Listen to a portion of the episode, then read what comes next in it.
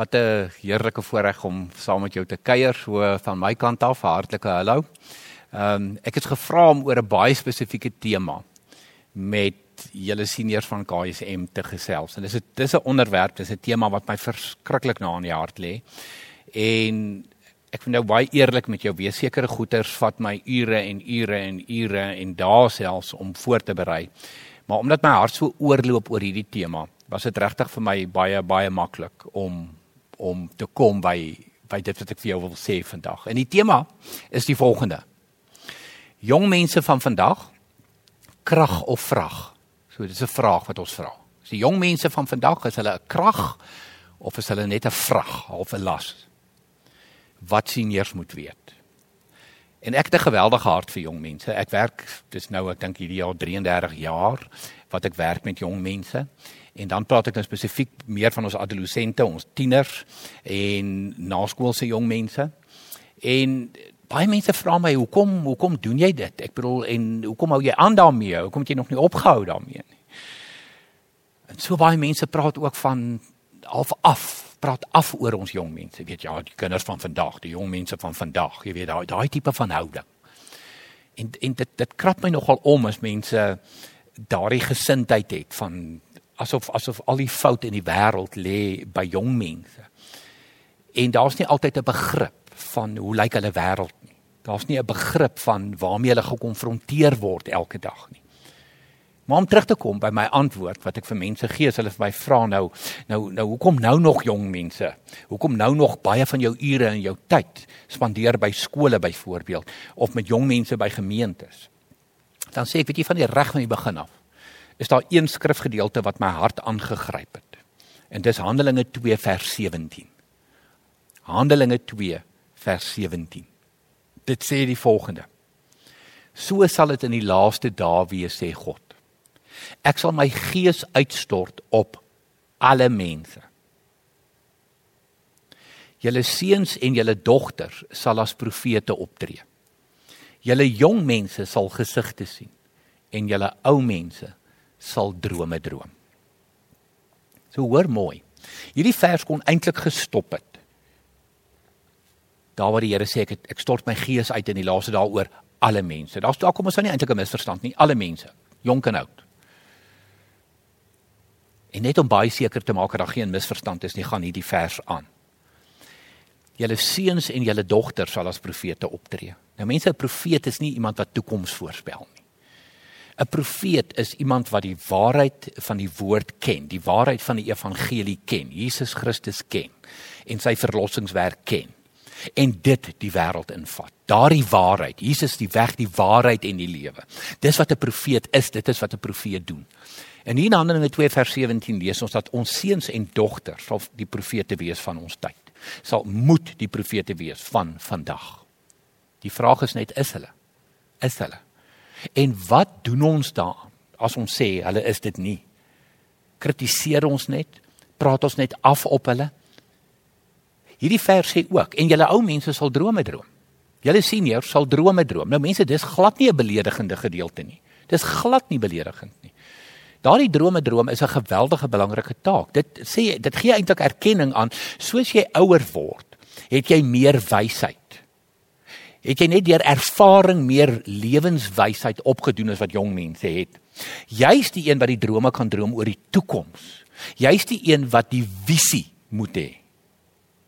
Maar wie moet die visie uitvoer? Die profete. Die profete. So moenie vir een oomblik dink dat hierdie vers sê jong mense is belangrik en seniors is onbelangrik nie. Glad nie. Dit sê seniors, weet jy wat? Julle moet hande vat met jong mense sodat die koninkryk van God uitgebou kan word. So daar's my my motivering uit die woord uit. Hoekom ek 'n hart en 'n passie het vir jong mense en ek wil dit sê dat die wêreld dit kan hoor. Ek sal nooit ophou om met hulle te werk nie. Nooit nie. Want ek het 'n passie vir hulle. Dit is vir my belangrik om hulle te help om die profete te word wat God wil hê hulle moet wees. En met deernis na hulle te kyk eerder as met kritiese oë. Kom ek vat jou gou-gou 'n bietjie Bybel toe. Voordat ons nou by die jong mense van vandag kom en in die goed waarmee hulle gekonfronteer word. Kom ek vat jou gou-gou 'n bietjie Bybel toe.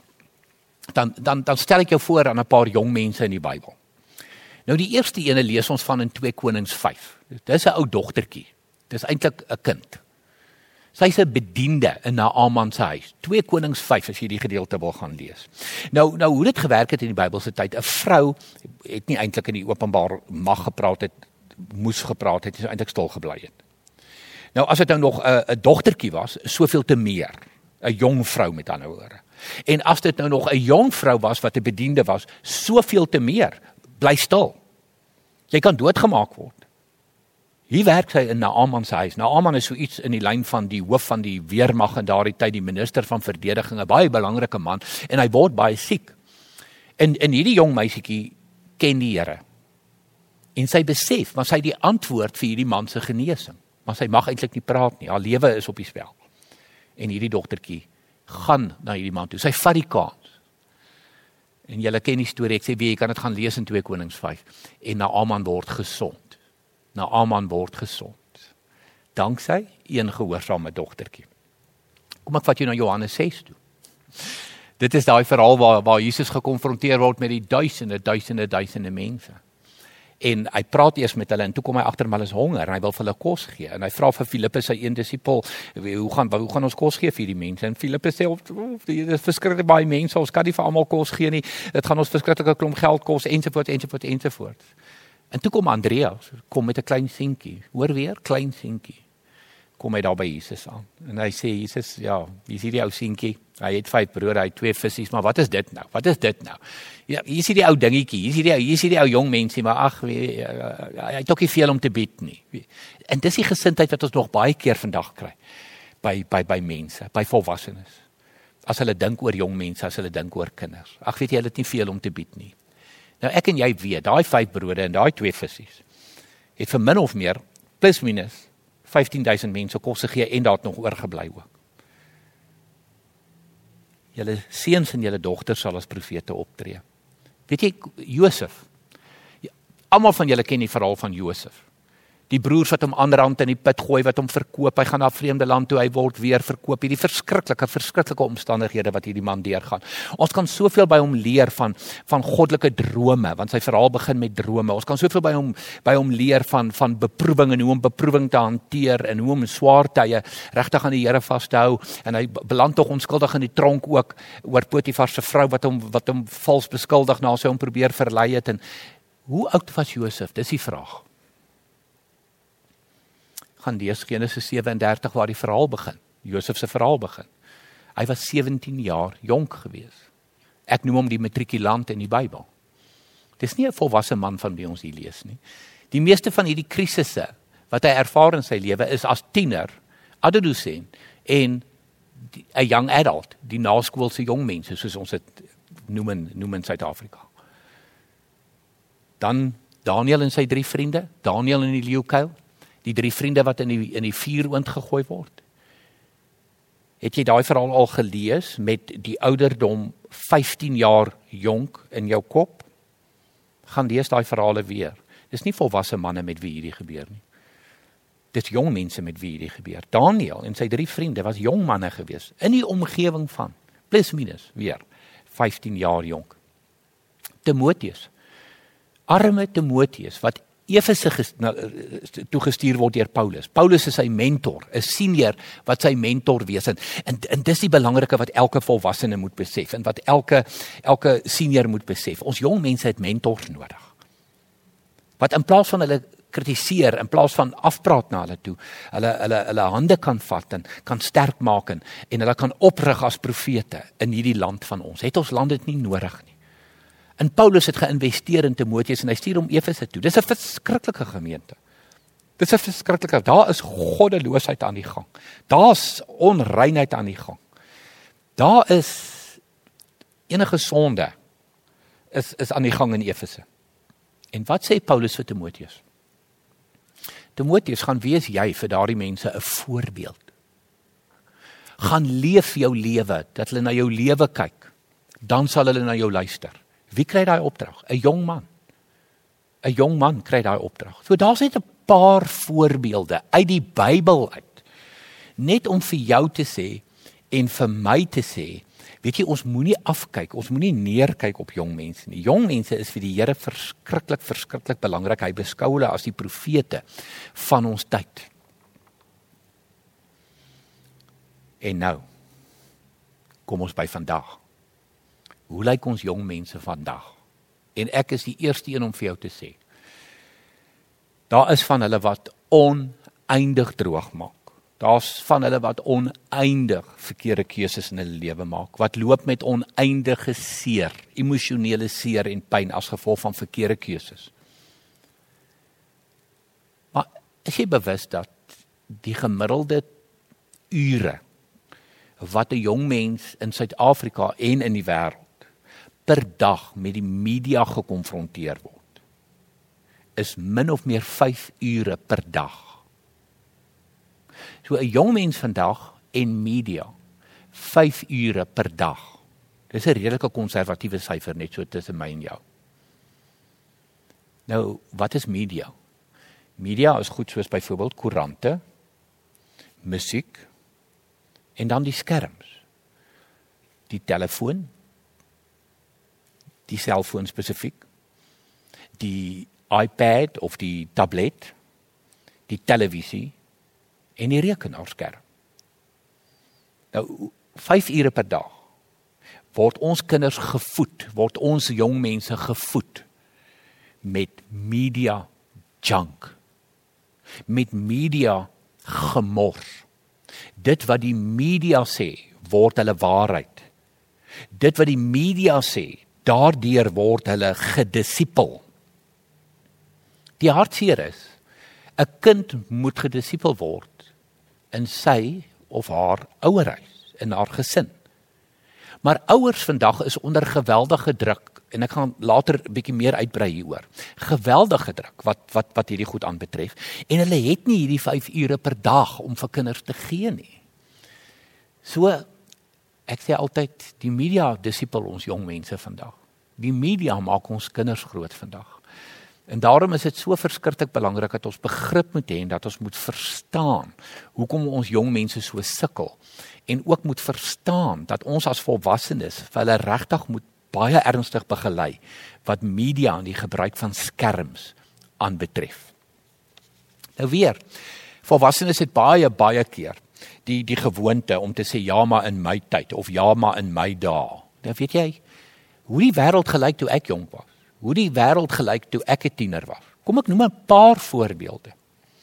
Die die woord vigs, die hele die hele konsep in die siekte vigs, AIDS. Het toe ek in matriek was, toe ek 'n student was, het dit nie bestaan nie. As jy vir my daai tyd gesê het vigs of gesê het AIDS, dan sou ek vir jou gesê het wat wat is dit? Uh, eet 'n mens dit vir vir ontbyt of vir aandete. Ek bedoel ek sou nie geweet het wat dit is nie. Weet jy dat toe ek 'n student was, my studentejare, my skooljare, was daar nie internet nie.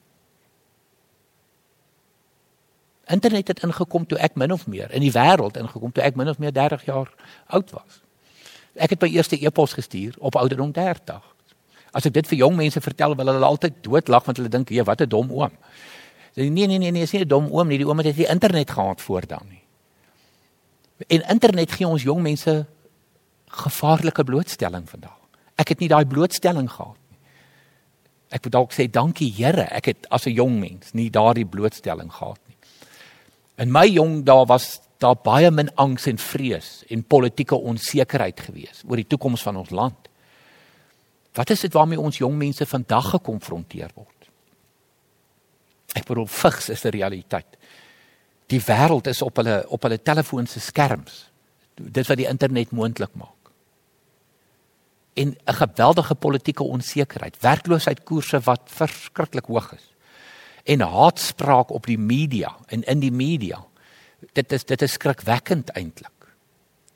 En en en dit is verskriklik belangrik dat ons hulle wêreld moet verstaan, dat ons hulle wêreld moet ken en hulle binne die konteks van hulle wêreld moet kan begelei. Dit help nie net ons gaan die hele tyd terug na maar in my jong dae, maar in my jong dae, toe ek 'n kind was, toe toe ek 'n tiener was, toe ek jonk was, toe toe, toe ek dit so gedoen en so gedoen nie. Nee, dit was maklik. Ek het nooit besef daardie tyd dat ek eintlik baie maklike jong mensjare gehad het nie. Die omgewing waarbinne ek groot geword het, politieke sekerheid, geen internet nie. In plaas van rekenaars nog die die die, die tikmasjiene. Daar was nie 'n siekte soos vigs nie. Dit was eintlik 'n maklike manier om groot te word.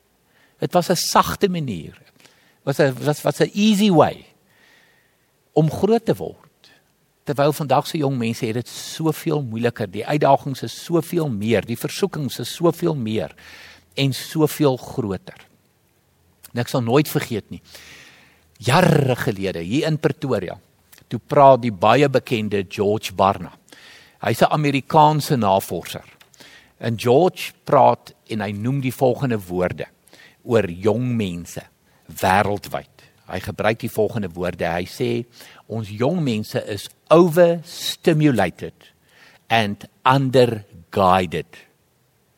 Kom ek herhaal daai vir jou.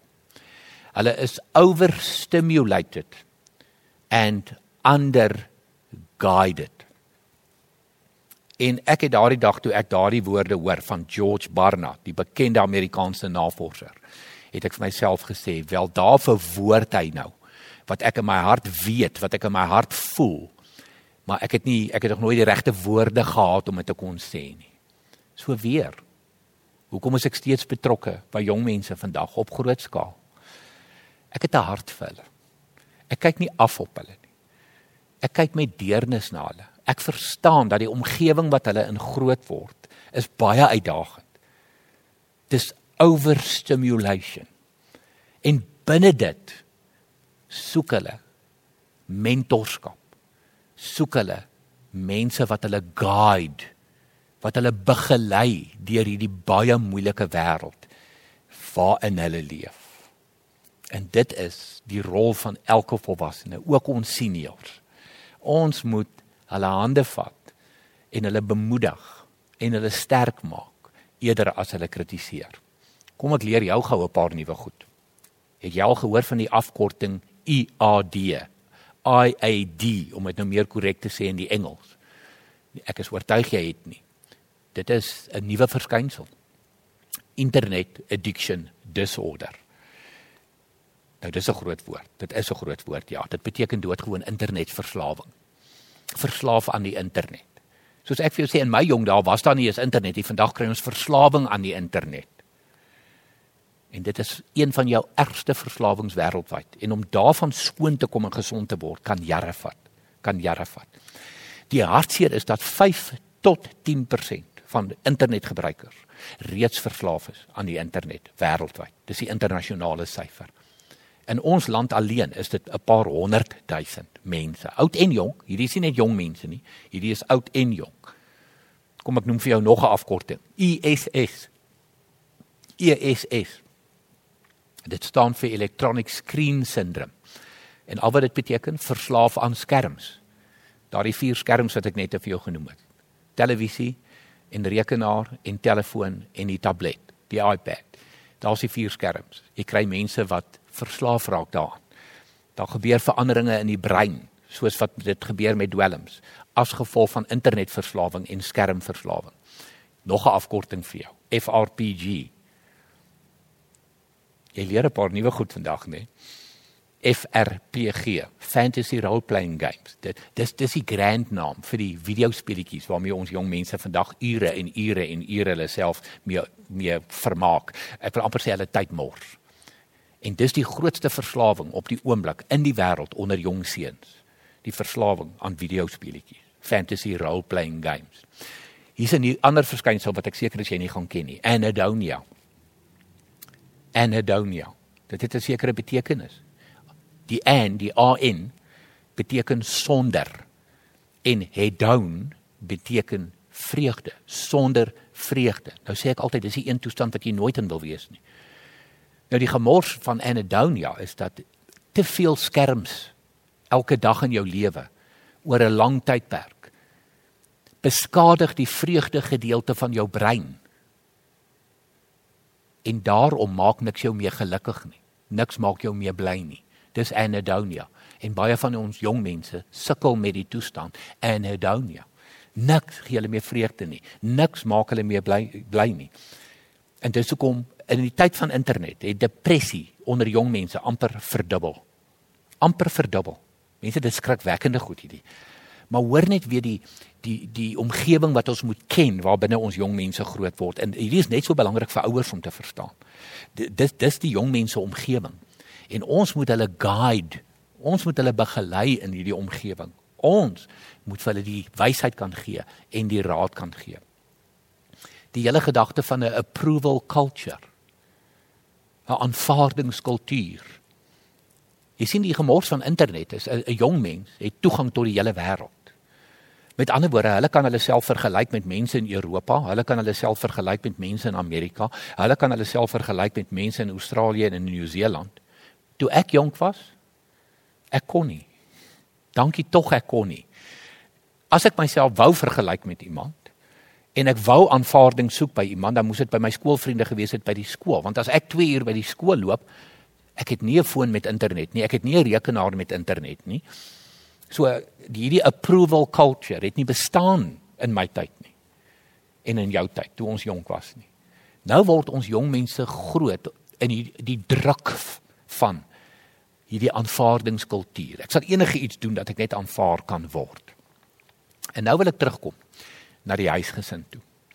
Want weet julle mense soos jy kan hoor, die wêreld van 'n jong mens vandag is is ingewikkeld. Dis kompleks. En dis dis baie moeilik om net vir 'n jong mens te sê jy moet 'n lewe van oorvloed lei en dis hoe jou wêreld lyk of jy moet 'n lewe van oorwinning lei en dis hoe jou wêreld lyk. Ek dink die belangrikste ding wat ons jong mense vandag kan gee is veilige huisgesinne. Gesonde gesinslewe. Dis die dis die belangrikste ding wat elke ouer 'n jong mens vandag kan gee. 'n Gesonde verhouding met jou kind.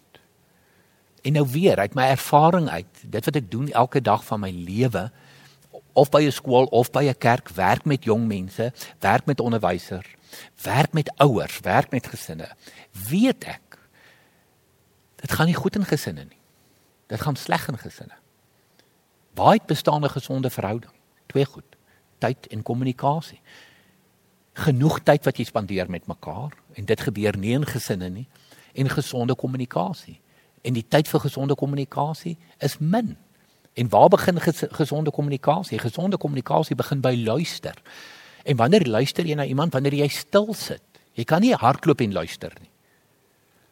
So die algemene vorm van kommunikasie vandag in ons huise is wat jy noem negatiewe kommunikasie. Daar word geskree op mekaar. Jy sal dit doen. Jy gaan nie dit doen nie. Jy mag nie dit doen nie. Dis heeltyd negatief en kinders wat reageer na ouers toe negatief. En dis 'n een klein oorlogie na die ander, 'n een klein ontploffingkie na die ander. Terwyl wat kinders na smag is gesonde huise, gesonde verhoudings binne huise. Daarom is dit so belangrik dat ons as volwassenes, as ouers tyd sal spandeer met ons kinders en tyd sal maak vir gesonde gesonde kommunikasie. Een van die grootste probleme in ons huise vandag is die afwesigheid van grense en dissipline. Dis werklik waar asof ouers bang geword het vir kinders. Dis asof ouers 'n skuldgevoel het omdat hulle so min tyd met jong mense spandeer. Weet jy my kind, jy kan maar enige iets doen enige tyd. Die woord nee bestaan nie. Kinders hoor nie meer die woord nee nie. Daar's nie grense meer vandag nie, omdat ouers of bang is vir kinders of skuldig voel om nee te sê, want my kind sien my so min, ek kan nie nou nog hiervoor nee sê ook nie. En dit is ontsettend belangrik as ons 'n gesonde gesin vir 'n kind wil gee, dat ons uit 'n gesonde verhouding, en ek wil dit herhaal, uit 'n gesonde verhouding, 'n liefdevolle verhouding daar wel gesonde grense en baie duidelike grense en dissipline sal wees in 'n huis. Want weet jy dat grense en dissipline gee vir 'n kind emosionele sekuriteit.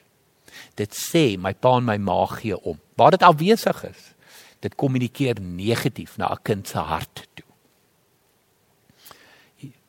As 'n kind die woord nee nie meer gereeld hoor nie. Met ander woorde, as as as die kinders die vingers klap en hulle kry wat hulle wil hê, as hulle net 'n tantrum gooi en hulle kry wat hulle wil hê. dan lei dit tot wat ek vandag beskou as die grootste enkele probleem onder jong mense wêreldwyd. En dis wat ek noem entitlement. Ek noem dit in Afrikaans dit is my reg. Dis 'n sekere kultuur wat bestaan van dit is my reg om 'n ding te kry, om 'n ding te hê. En eintlik wil ek hierdie ding al gister gehad het.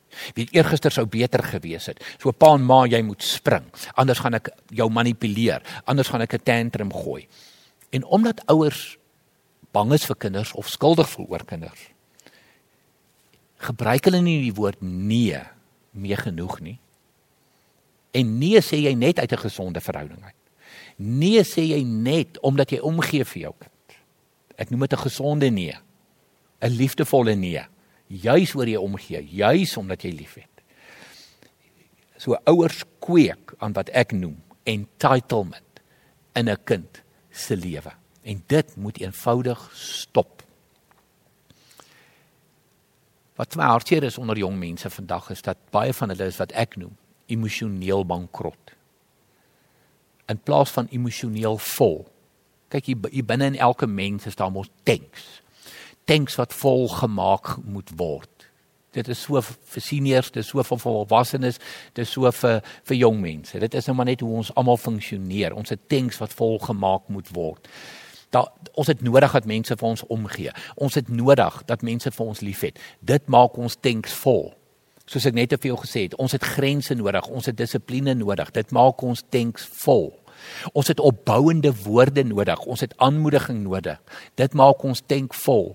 Ons het goeie kommunikasie nodig. Ons het ons het tyd met met volwassenes nodig. Dit maak ons tanks vol. En as daai tanks nie in die huis vol gemaak word nie, dan lei dit tot emosionele bankrotskap. En kinders en jong mense probeer om daai tanks te gaan volmaak op ander plekke. En baie baie van daai goed is lelike goed. Verkeerde goed dis goed wat hulle oor die lang termyn baie skade berokken. Goed soos soos is seksuele verhoudings, verkeerde vriendskappe en daai tipe van goeters. Want ek ek wil die tanks volmaak ten alle koste en dis hoekom die die gesin en die ouerhuis so verskriklik belangrik is vir ons jong mense. Ek gebruik altyd vir myself as motivering ook Paulus. Toe Paulus 'n jong mens was, ek noem hom 'n Jesus hater. Hy het Jesus gehaat. Hy het Christene vervolg maar ek wil hê jy moet die energie hoor waarmee hy dit gedoen het en die passie en die kommitment waarmee hy dit gedoen het.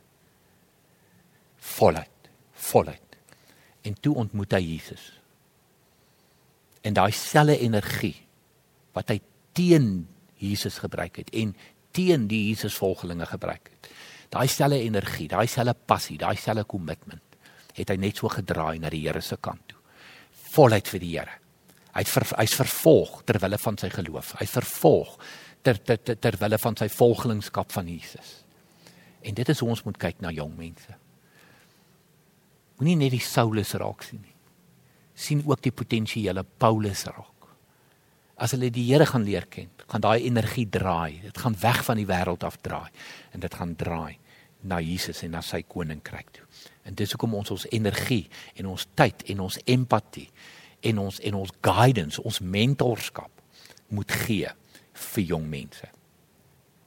'n Skrifgedeelte wat ek baie gebruik wanneer ek met jong mense self praat. Dis die baie bekende Johannes 10 vers 10.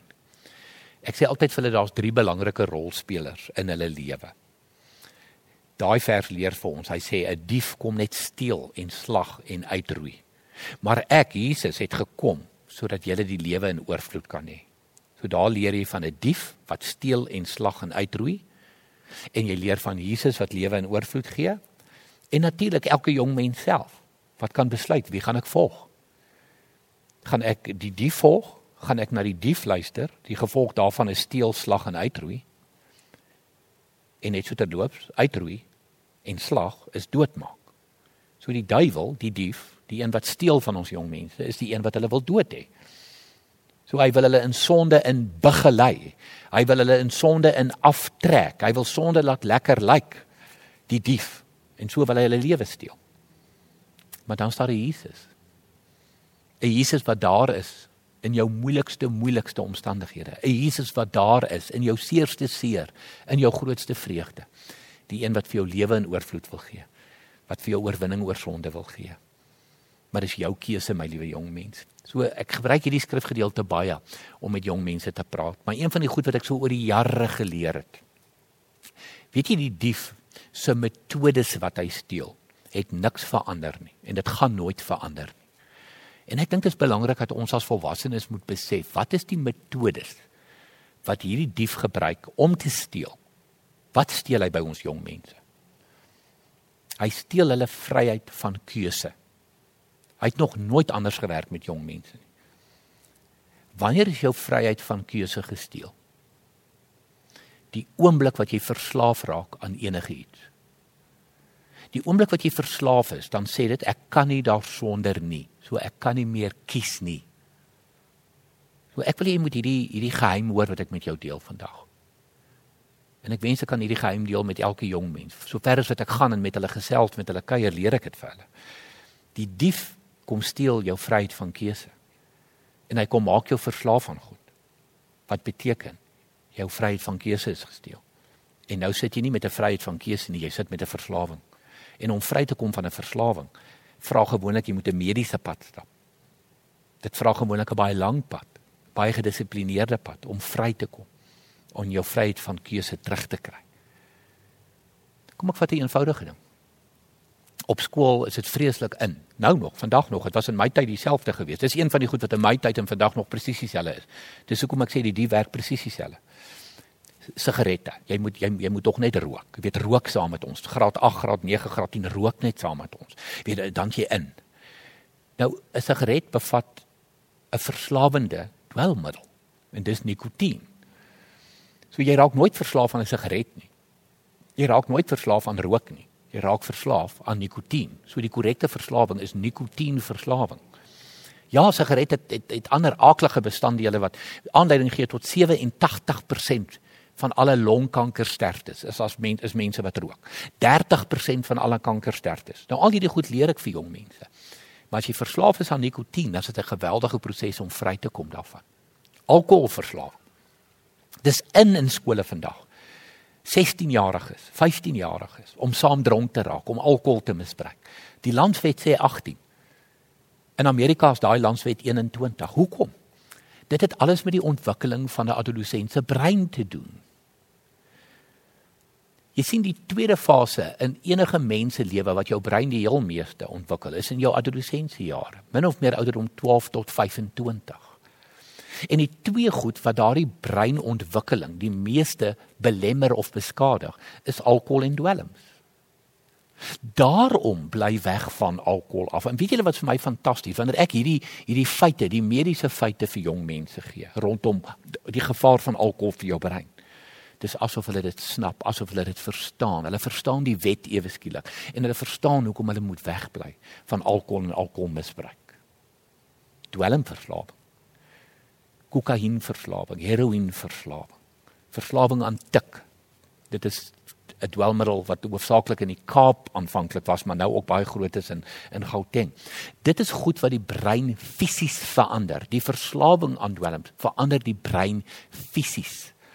En die herstel is daarom soveel langer en moeiliker. So, liewe vriende, ek kan aangaan en aangaan en aangaan oor die moeilike wêreld wat ons jong mense in leef vandag, wat hulle in groot word vandag. Ek wil nog een ding wil ek wil ek graag uitlig en dit is die hele ding rondom pornografie in ons samelewing. Ek ek sê altyd die samelewing wat ons jong mense vandag in groot word is 'n baie erg geseksualiseerde samelewing. Weet jy as jy toegang het tot internet en en en daar's geen blokkades nie, daar's nie een of ander app wat jy gebruik om om die om die seksuele goed te blok nie kom ons sê 'n kind het vrye toegang tot die internet vandag 'n jong mens, dan is dit oor die 4 miljoen pornografiese webtuistes. So as jy jou kind 'n slimfoon in die hand gee vandag, dan gee jy hom of haar toegang tot meer as 4 miljoen pornografiese webtuistes. Dis hoekom dit so belangrik is dat ouers hierdie kennis moet hê, dat volwassenes hierdie kennis moet hê. Ek kan vir jou verskriklik baie stories vertel. Ek bedoel ek het so onlangs soos hierdie week weer met 'n geval te doen gehad dit was 'n dogter gewees. Verlede week met 'n geval te doen gehad, dit was 'n seun gewees. Adolessente wat in hierdie Grendel tydperk te veel met tegnologie deurmekaar was en op verkeerde goed afgekom het en verslaaf geraak het aan pornografie. Dit is 'n verslawing. En daarom moet ons as volwassenes weer eens in plaas van afpraat en kwaad raak oor oor oor hierdie goed met jong mense. Kom ons raak kwaad vir die regte mense. Wie sit hier agter? Hierdie is 'n wêreldwye industrie wat daarop uit is om ons jong mense se lewens te verwoes. En dit is vir my so lekker om om dit vir jong mense te sê dat hulle oë kan oopgaan. Dis nie jong mense wat wat wat wat hierdie video's maak en in in in hierdie foto's neem nie. Dis nie jong mense nie, dis volwassenes. Maar wie is die gehoor wêreldwyd, internasionaal wat die meeste hierna kyk? Ouderdom 12 tot 17. So wanneer ouers met groot oë by my aankom, erg geskok oor hulle kind wat aan pornografie blootgestel is of selfs verslaaf is aan pornografie, dis vir my geen verrassing nie, want ek ken die statistiek, ek ken die internasionale statistiek, ek ken die Gauteng statistiek. Ek werk genoeg met jong mense om te weet dat hierdie goed is 'n geweldige probleem in hulle lewe. En as ons met deernis na hulle uitreik, met omgee na hulle uitreik, met begrip na hulle uitreik, weet jy dis dan dis dis dis of harde harte sag word. Dis asof daar 'n gewilligheid inkom van van help my asseblief ek wil ek wil loskom ek wil ek wil vrykom van hierdie goed. Ja ons samelewing is gewelddadig ook. As ons kyk na na na na hierdie hierdie geseksualiseerde geweld ook teenoor vrouens teenoor kinders as ons kyk na plaasmoorde en so kan ek aangaan en aangaan en aangaan. Ek wil dis op alle vlakke, dis op alle terreine, dis in alle omgewings, dis in alle dorpe, dis alle stede. En ons kinders word groot met hierdie geweld, dis motorkapings, dis inbrake. Dit skep vrees by hulle. En dit is my verantwoordelikheid en jou verantwoordelikheid as 'n as 'n volwassene om hulle te begelei waantoe na Jesus toe. Die een wat vrede gee. Die een wat oorwinning gee. Die een wat oorvloedige lewe gee. Die een wat van jou van 'n Saulus 'n Paulus maak. So ek wil afsluit. Kom ons hê deernis met ons jong mense. Kom ons hê begrip ook vir die moeilike wêreld waarin hulle leef. Dalk moet ek sê probeer leef ons is nie gemaak om net te survive nie. Ons is gemaak om oorvloedig te leef. Hulle sukkel. Ons is gemaak, hulle is gemaak om in oorwinning te leef. Hulle sukkel. Kom ons help hulle. Kom ons wees bidders vir hulle. Kom ons wees op ons knieë vir hulle. Vir rein lewens, vir heilige lewens, vir oorwinning in hulle lewe, vir oorvloedige vreugde in hulle lewe. En dan net weer my laaste woorde voor ek gaan bid. Die belangrikheid van die gesin, gesonde gesinne is so ontsettend belangrik vir ons kinders, vir ons jong mense. Jy's dalk 'n oupa en 'n ouma, jy wat nou kyk. Kom ons wees 'n ondersteuningsstelsel ook vir ons kleinkinders. Kom ons bid vir ons kleinkinders. Kom ons help dan ook ons eie kinders om goeie ouers te wees vir ons kleinkinders want hierdie wêreld is uitdagend. Kom, bid saam met my. Dan bid ons spesifiek vandag vir ons jong mense in hierdie uitdagende wêreld. Here, wat 'n voorreg om U te ken. Wat 'n voorreg om U kind te kan wees, om te weet my naam is in U handpalm gegraveer. Here, dis die waarheid ook vir elke jong mens. U het hulle op U naam geroep. U ken hulle op U naam het 'n plan en 'n doel en 'n rol vir elkeen van hulle in hierdie lewe in hierdie wêreld. Here, maar daar's 'n dief wat steel en slag en uitroei. My gebed is Here dat jong mense se oë sal oopgaan vir hierdie dief, maar dat hulle oë ook sal oopgaan vir Jesus wat sê ek het gekom om vir jou lewe in oorvloed te gee. Mag ons jong mense kies om agter Jesus aan te loop, agter Jesus aan te stap elke dag. Here en ons kom kies as volwassenes kom kies ons om op ons knieë te wees vir ons jong mense. Ons kom pleit by U vir oorvloedige lewe en oorwinningslewe vir hulle. En Here ons kom kies om hulle mentors te wees. Om hulle aan te moedig tot oorwinning en tot oorvloedige lewe. Ons kom bid dit in Jesus naam. Amen. Ek hoop jy het 'n wonderlike wonderlike dag verder en dat jy van nou af gaan anders kyk na ons jong mense met oë en harte van deernis. Dit was vir my 'n vreeslike lekker geselsie saam met jou, maar ook 'n voorreg om dit te kon doen. Totsiens.